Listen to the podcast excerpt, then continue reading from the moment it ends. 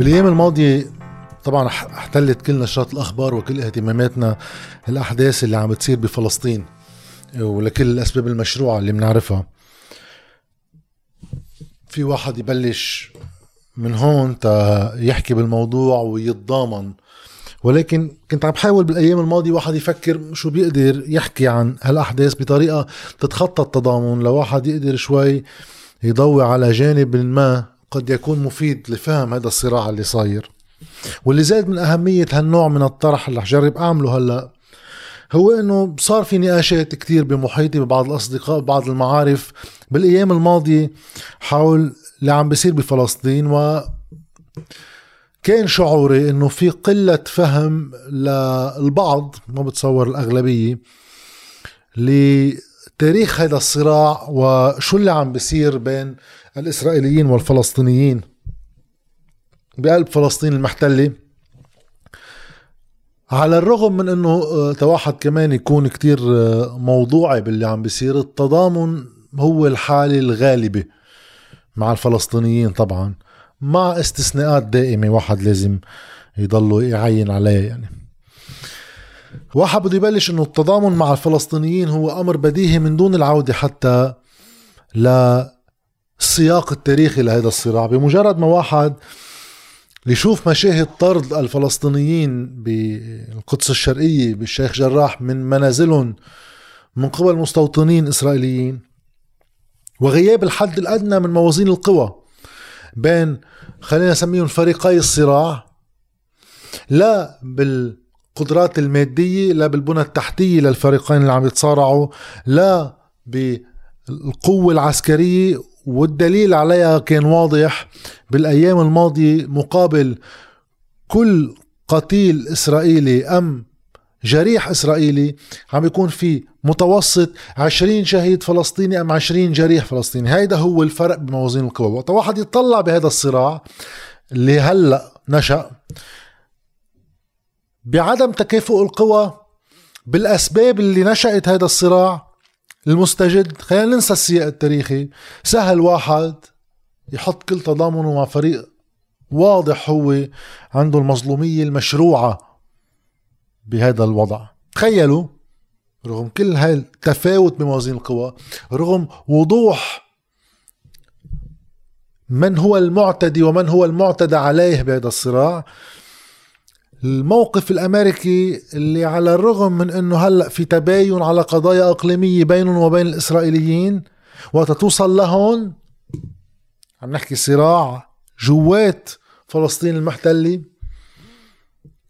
ما بيقدر حتى يت يظهر ولو كذبا موقف أمريكي متكافئ من طرفي الصراع علما إنه ما لازم يكون متكافئ لازم يكون داعم للفلسطينيين بحقهم بالدفاع عن نفسهم بعد الاعتداء الواضح. هلأ شو معناتها بالسياسة اللي عم بيصير؟ في كتير نقاط واحد بيقدر يضوي عليها. أهمهم أنا بالنسبة لي بالمعنى السياسي مش بالمعنى الإنساني لأنه يمكن أحوال غزة لا يعلى عليها في المأساة وفي الظروف الإنسانية. ولكن هو الصراع اللي عم بيصير داخل إسرائيل. بين الفلسطينيين اللي بسموهم فلسطينية 48 يعني معهم جنسية إسرائيلية هن يعتبروا مواطنين إسرائيليين. بين هالناس وبين الإسرائيليين داخل إسرائيل.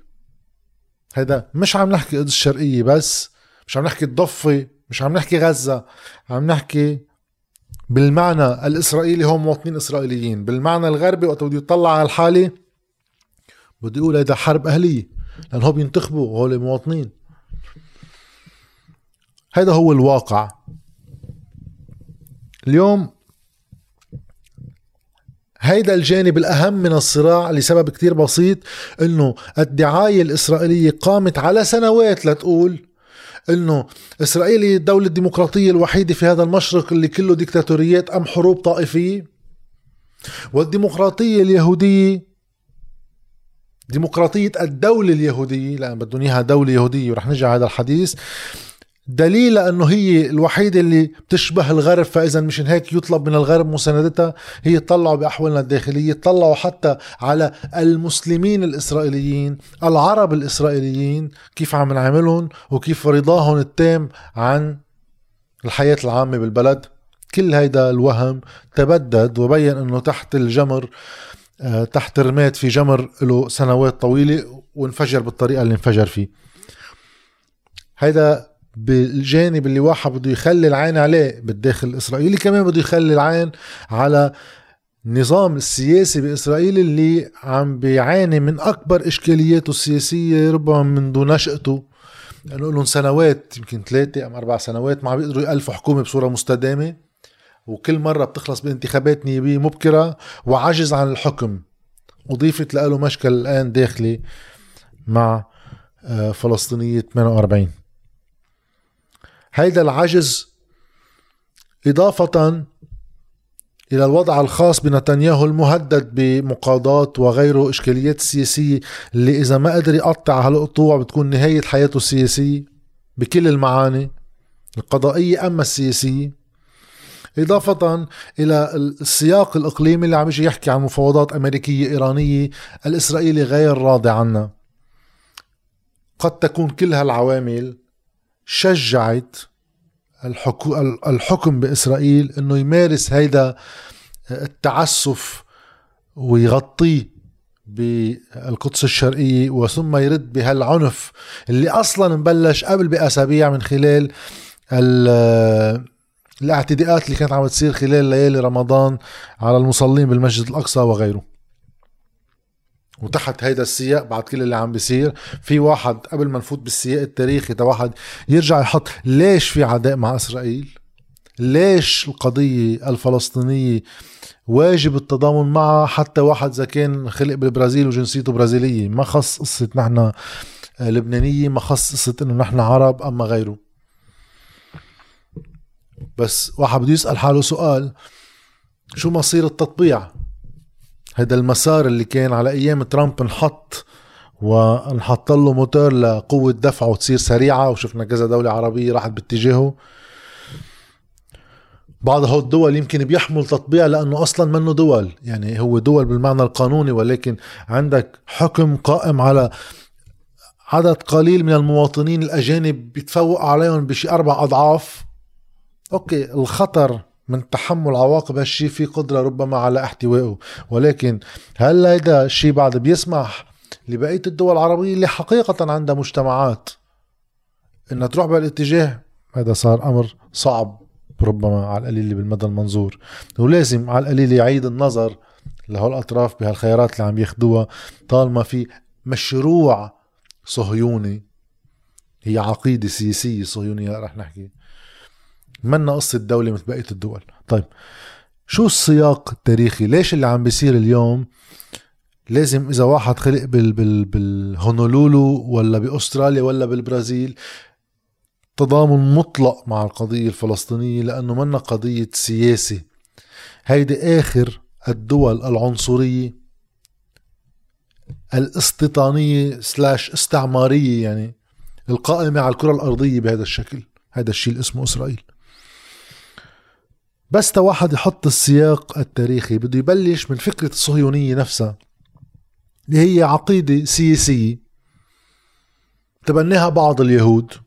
طبعا آخر القرن التاسع عشر وتيودور هيرزل و1897 وقت أقاموا هذا الكونغرس الصهيوني. تيجوا يقولوا إنه في عندهم حق مقدس بالعودة يختاروها بعدين لفلسطين ك مقر الدولة اليهودية اللي بدهم إياها لمشروعها استيطاني. ورح نحكي عن الاستيطان اللي هو كارثة الكوارث بس واحد يشرحه. واستعماري قائم على احتلال أرض تهجير الناس منها وإقامة دولة. هالدولة هي عنصرية يعني بكل وضوح.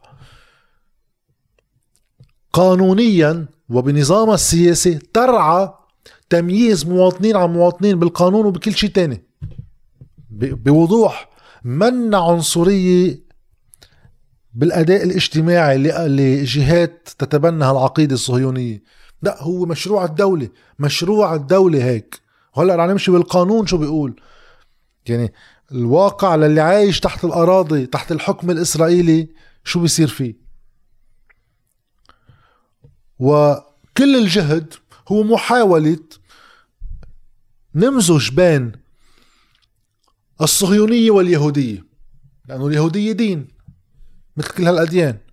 أما الصهيونية هي عقيدة كثر من اليهود يرفضوها أصلا. بس جهد السلطة بإسرائيل وهذا الكونغرس كله سوا إنه يمزج بين اثنين لا يقدر من خلالها يمزج أي معاداة للصهيونية كعقيدة سياسية يعتبرها مباشرة معاداة للسامية أي موقف عنصري ضد اليهود كيهود. عظيم. هيدا الواقع اللي أنشأ إسرائيل وفي هيك مؤسس الدولة بين مزدوجين دولة ديفيد بن غوريون الإسرائيلي ب 48 بوضوح بيقول إذا أردنا خلاص يهودي صاف فإذا نحن بحاجة لمستوطنات يهودية صافية زراعة يهودية صافية مطار يهودي صافي وبكمل.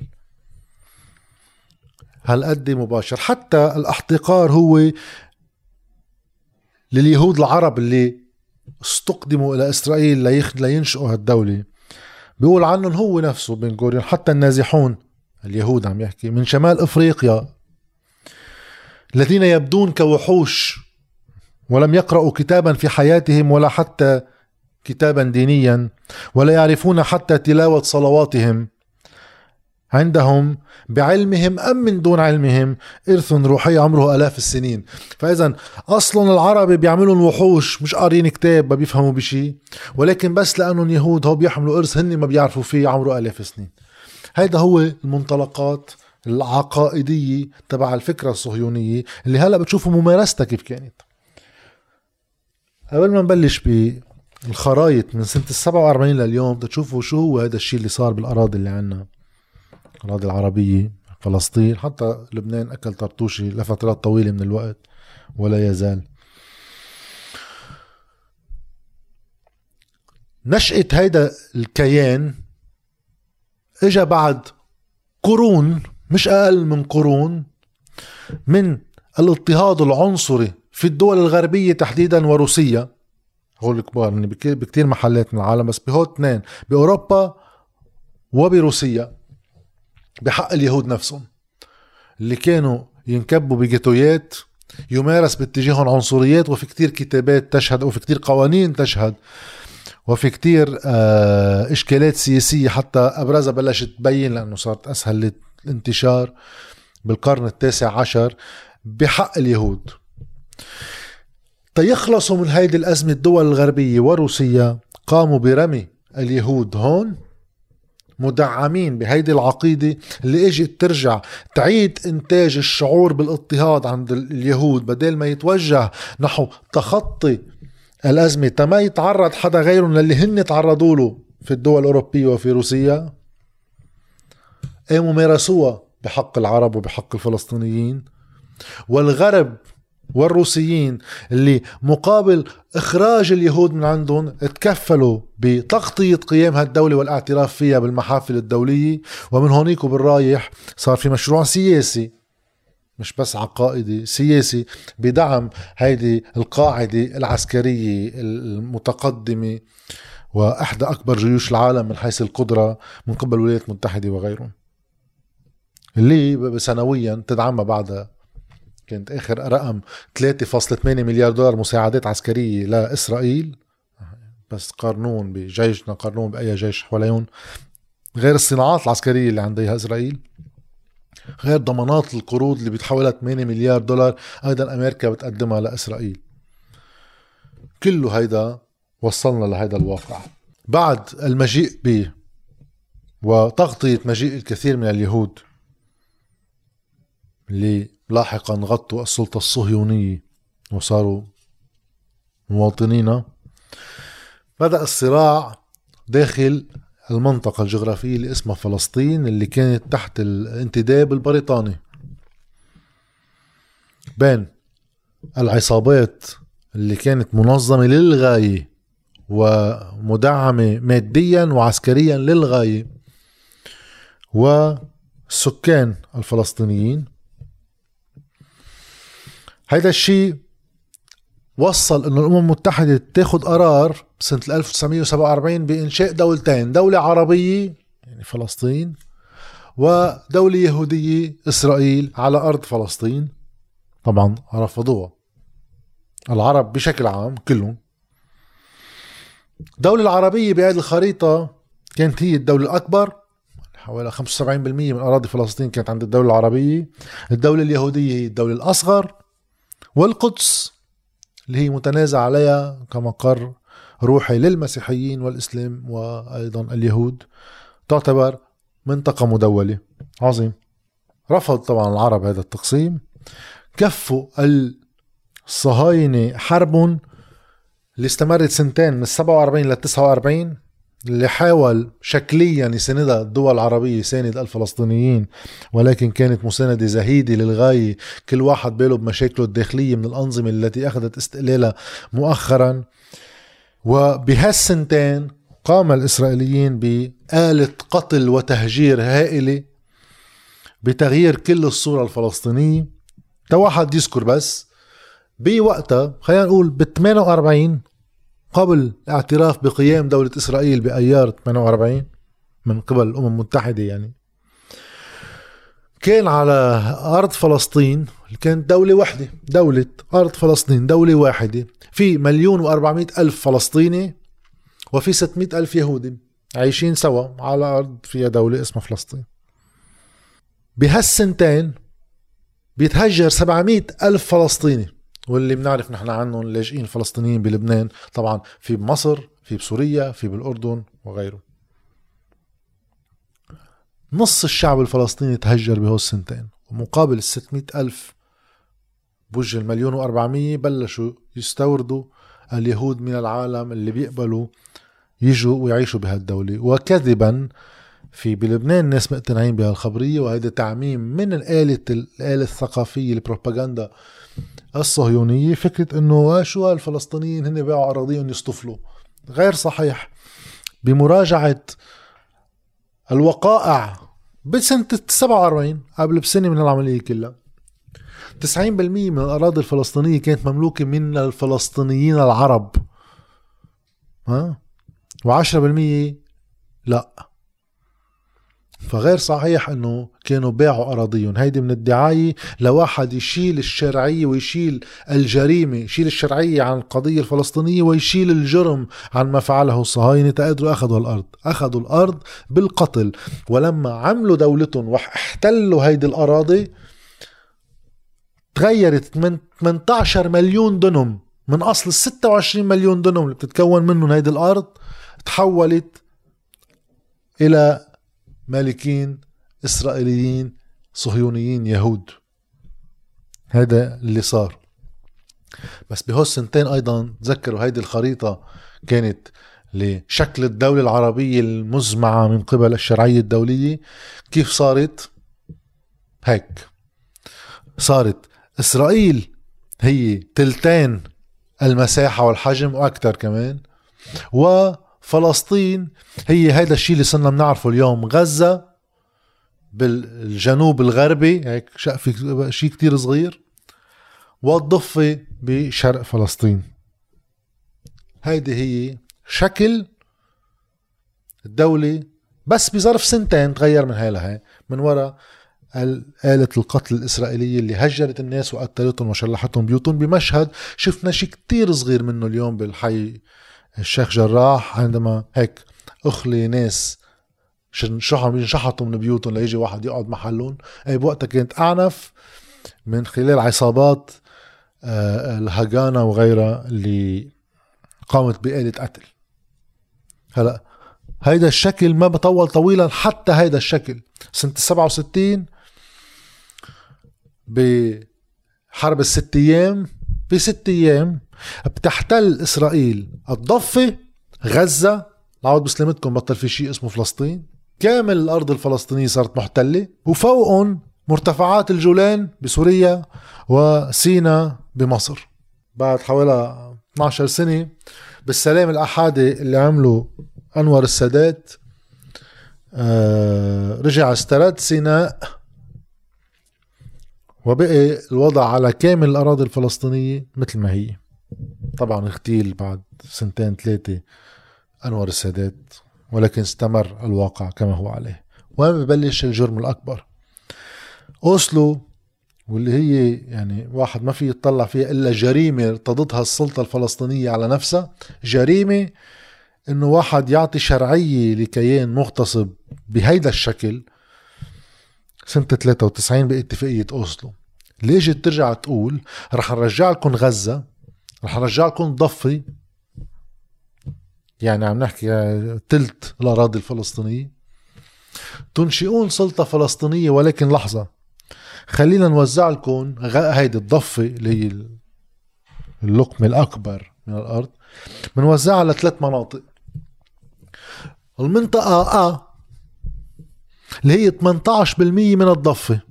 هيدي المنطقة بتكون للسلطة الفلسطينية بسيطرة بسيطرة وإدارة للسلطة الفلسطينية. 18% من الضفة. هيدي إدارة ذاتية. المنطقة ب هي 22% من مجمل أراضي الضفة. منطقة لإدارة السلطة الفلسطينية ولكن بإدارة أمنية إسرائيلية وبحضور الشرطة والأمن الإسرائيلي. 18 ب 22 22 صار في أمن وشرطة إسرائيلية. المنطقة سي 60% من الضفة. انتبهوا عم نحكي بالضفة ما عم نحكي بالأراضي المحتلة بقلب 48 عم نحكي بالضفة. 60% منها منطقة تحت السيطرة الإسرائيلية الكاملة. هيدا هو اتفاق أوسلو اللي ارتضاه. أبو عمار بوقتها والسلطة الفلسطينية وأدت إلى رجعته على قلب فلسطين اللي هي أضحوكة. ما في شيء اليوم في ناس بذهنهم بلبنان إنه في إسرائيل وفي فلسطين. ما في شيء في اسمه فلسطين. في الحق أكيد بس بالسياسة اليوم كامل السلطة هي للإسرائيليين على كامل الأراضي الفلسطينية. كاملة وما السلطة الفلسطينية لا تغطي للاحتلال الإسرائيلي ورضا به. وبالعكس خدمة لإله لأنه هم هالسبعة ملايين فلسطيني خلينا نقول خمس ملايين ونص لأن في مليون ونص هن من اليوم صاروا حاملين الجنسيات الإسرائيلية والفلسطينية الداخل. هالخمس ملايين ونص صاروا بدل ما يكونوا عبء على الإسرائيلي شوف شو بدك تعمل فيه وقت بدك تحتل البلد كيف بدك تتعامل مع شعبه. صار لا منلزم أنت السلطة الفلسطينية روح تدبر مع الفلسطينيين وتقبر معهم وانتق معهم. وانت البارافون لسيطرتنا واحتلالنا. السلطة الفلسطينية اليوم بالأداء اللي عم تعمله هي شرطة السلطة الإسرائيلية. لا أكثر ولا أقل. مقابل مئات ملايين دولارات اللي عم تندفع للسلطة الفلسطينية. بس تكونوا بالجو. الكهرباء بتضفي من إسرائيل. المي بتضفي من إسرائيل. نظام نظام الفصل العنصري وصل إنه للفلسطينيين كان تبع الداخل. أما الضفة وغزة أربع هويات كل وحدة لها لون تيميزون عن بعض. هوية لغزة غير هوية للضفة غير هوية فلسطينيين اللي قاعدين بالقدس الشرقية غير هوية الفلسطينيين بقلب إسرائيل اللي هن معهم جنسية إسرائيلية كل واحد شيء في 2.1 مليون فلسطيني قاعدين بغزة في 2.7 مليون فلسطيني بالضفة اللي الضفة مقسمة إلى 165 كانتون كلهم مفصولين عن بعض. هون رح نحكي عن الاستيطان. قلنا بالعقيدة الصهيونية عقيدة استيطانية الاحتلال عبر استيطان الأراضي.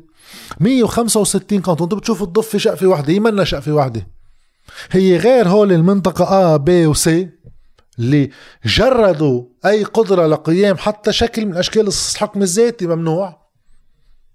ها؟ قسمناها على 165 كانتون. مفصولة وحدة عن الثانية بحواجز إسرائيلية داخل الضفة. مفصولة بجدران مفصولة بمستوطنات ومشاريع إسرائيلية بمد الطرقات لوصل المستوطنات الإسرائيلية ببعضها داخل الضفة غير عزل الضفة تماما أمنيا عن الأردن بسلطة إسرائيلية على كامل الحدود الشرقية. هيدا واقع فلسطين. هلأ في 400 ألف فلسطيني بقلب القدس الشرقية وفي مليون فاصل ستة من فلسطينية 48 داخل الأراضي الإسرائيلية. طيب إذا بس واحد بيطلع غير كل هيدا الواقع اللي في احتلال تام شو عم بيعملوا الإسرائيليين؟ بضفة مثلا خلينا ناخذ الضفة ورح نرجع ناخذ كمان القدس الشرقية.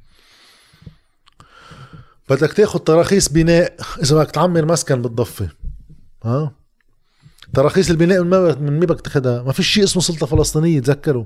بدك تاخذها من الإسرائيلي. ما بيصدروا لهم تراخيص بناء. فالناس كيف ما كان بدها تعيش؟ بحاجه إنه الناس كيف ما كان بدها تعيش بتروح بتقعد شي محل؟ بحاجه إنك أنت قاعد من دون رخصة صادرة عن السلطة الإسرائيلية بصير تدمير لمنازل إسرائيلية فلسطينية وتقام محلها مستوطنات. عظيم. نفس الشيء بالقدس الشرقية حاطين لهم شروط للإقامة بس تطلعوا على شروط الإقامة. ممنوع على الفلسطينيين العيش أكثر من سبع سنوات في الخارج أم حيازة أي جنسية أم أي إقامة في أي دولة أخرى. إذا صار هيك بتنزع ملكيتك بالقدس الشرقية. هيدا من سنة 1967 محطوط قانون. بيرجع بال 95 بيزيدوا عليها على الفلسطينيين إثبات أن حياتهم تتمحور حول القدس إنه بدك أنت تكون أساس نشاطك بالقدس. ليك ملا صياغة آه، فيها منطقة رمادية بتخول الإسرائيلي يعمل بده إياه. وزيدوا عليها ممنوع على الفلسطينيين خارق مبدأ الولاء لإسرائيل. هي زادوها بال 2006 إذا بتخرق أي من هالشروط بتنزال ملكيتك بالقدس الشرقية وتحول. 15 ألف فلسطيني آخر 30-40 سنة تقريبا أخليوا من منازلهم لخرقهم وحدة من هيدي الشروط كلها. واحد يحكي عن دولة فصل عنصري ها هي دولة الفصل العنصري. بكل وضوح هذا هو الواقع اللي عايشينه الفلسطينيين. طبعا هو الواقع هيك آه، ما كتير بدها سياق تا واحد ياخد موقف. غير إنه نحن بلبنان عنا متاخمين للحدود الفلسطينية المحتلة وعنا إشكاليات اليوم بحدودنا البرية والبحرية غير أنه من اللاجئين اللي هجروا بين ال 47 و 49 عنا اليوم بالبلد مئات الألوف متمسكين بحقهم للعودة يوما ما. بس بكل بساطة دولة فصل عنصري باعتراف اليوم رئيس وزراء بنيامين نتنياهو اللي مصرح بصورة مباشرة. إسرائيل دولة ليست لكل مواطنيها بل دولة لليهود دون غيرهم. مشان هيك؟ أعلنوا يهودية الدولة بال 2018 بعز الدعم الأمريكي طبعا. هون بده يجي واحد يقول هيدي دولة يعني تتناقض. مع كل شيء معقول واحد بالكرة الأرضية كلها. له 70 80 سنة بعد الحرب العالمية الثانية عم بيدعي البشرية باتجاه نحو قيم مشتركة إنسانية مفروض تجسدها الأمم المتحدة وغيرها من المعاهدات والمواثيق. وأين إسرائيل منها كلها؟ بصير اللي بيصير يعني. اليوم بغزة وداخل الأراضي المحتلة بإسرائيل. هيدا هو الواقع. بهذا الواقع كله تذكرت شغلة ب آه، شو اسمه؟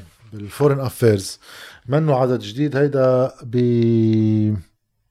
ديسمبر 2019 كان عدد كامل عن ترامب والشرق الأوسط وفي كثير من المقالات حول الأراضي الفلسطينية والصراع العربي الإسرائيلي من مارتن إنديك لحتى روبرت مالي اللي اليوم بوزارة الخارجية بعد ترامب. ولكن أيضا في مقال ليوسف منير اللي هو طبعا آه، كاتب وأستاذ محاضر في إحدى الجامعات. عم يجي يقول إنه حل الدولتين هذا اللي بلش من سنة ال 47 تحت غطاء الأمم المتحدة وطبعا تحت غطاء الانتداب البريطاني وغيره حل الدولتين هذا انتهى. اليوم الحل هو لحل الدولة الواحدة. حل الدولة الواحدة. والصراع هو هالدولة الواحدة هي يهودية أم دولة لكل مواطنيها؟ يعني علمانية بهذا المعنى. هذا الشيء محطوط بال Foreign Affairs اللي ابدا منا آه، معروفة بأي نوع من حيادية تجاه المصالح الأمريكية هي تعبر أغلب الأحيان عنها. ليش؟ لأنه حل الدولتين حل انتهى. ما في قابلية لتطبيقه ما في أراضي فلسطينية جديا. كلها منخورة بالمستوطنات اللي شفنا بالخريطة كيف موزعة. بقلب الضفة نسوه شو عاملة إسرائيل بالقدس وغيره. هذا كله صار غير ممكن. بدكم حل طبيعي حل دولة واحدة. دولة بتكون علمانية لكل مواطنيها. من دون هيدا الحل ما في أفق لأي فعليا سلم بين مشروع عنصري استيطاني احتلالي استعماري واي مش بس من فلسطين من كل دول الجوار اللي هي تشكل عليهم هيك عقيدة مصدر خطر مباشر. تماما مثل ما كانت النازية كعقيدة استعمارية عنصرية تشكل خطر على أوروبا. قبل الحرب وطبعا بعد الحرب صار واضح. من دون مشروع سياسي بيحضن المعاناة والنضال الفلسطيني مع سلطتهم ومع سلطة الاحتلال. واحد بخاف إنه كل النضالات اللي عم تصير اليوم وكل الصمود اللي عم يفرجوه الفلسطينيين اليوم بالداخل وبغزة وبالضفة ما يكون في له حاضنة سياسية تقدر ترعاه ليوصل لهدف ما. مشان هيك هون المسؤولية بتصير مضاعفة مرة جديدة على السلطة. مش على السلطة السلطة الفلسطينية بتصور ما حدا ناطر منها شيء بس على القوى السياسية الحية داخل فلسطين تعيد إنتاج نفسها سياسيا. بتصور كلنا بهذا العالم العربي آه، من لبنان لسوريا لمصر لفلسطين.